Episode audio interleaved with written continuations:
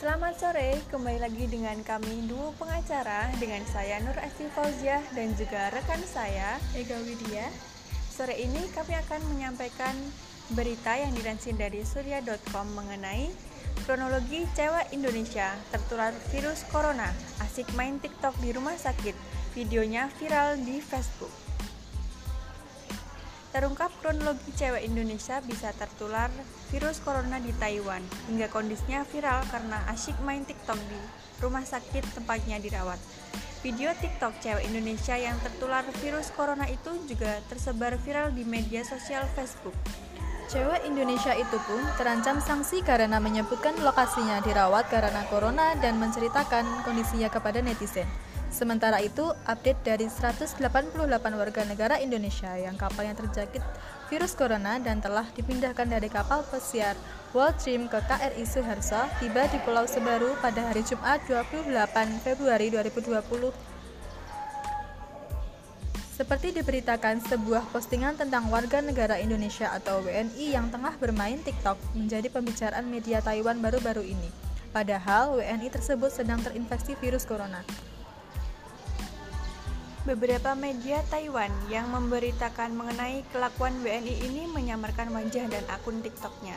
Dalam beberapa tayangan yang telah disensor tersebut, WNI perempuan itu terlihat berjoget dan bernyanyi dengan backsound musik Indonesia yang berjudul Gemantung Roso. WNI itu disebut berbagi status melalui siaran langsung Facebook dan TikTok di bangsal rumah sakit isolasi di kota Taipei. Perempuan itu juga menunjukkan wajahnya serta mengungkapkan nama rumah sakit tempatnya dirawat kepada para penonton. Dia memposting video streaming sembari menyertakan keterangan dalam postingannya itu. Mbaknya santuy padahal lagi kena virus corona, tulisnya di halaman Facebooknya. Selama streaming berlangsung, dirinya bernyanyi dengan riang.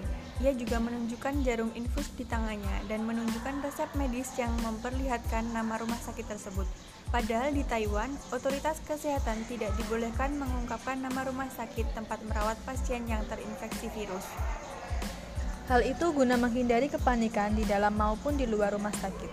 Video dan tangkapan layar streaming tersebut saat ini telah tersebar luas di media sosial di antara pekerja migran di Taiwan.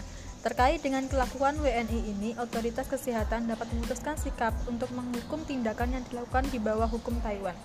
Sekian yang bisa kami sampaikan pada sore hari ini. Sampai jumpa di dua pengacara selanjutnya. Selamat sore.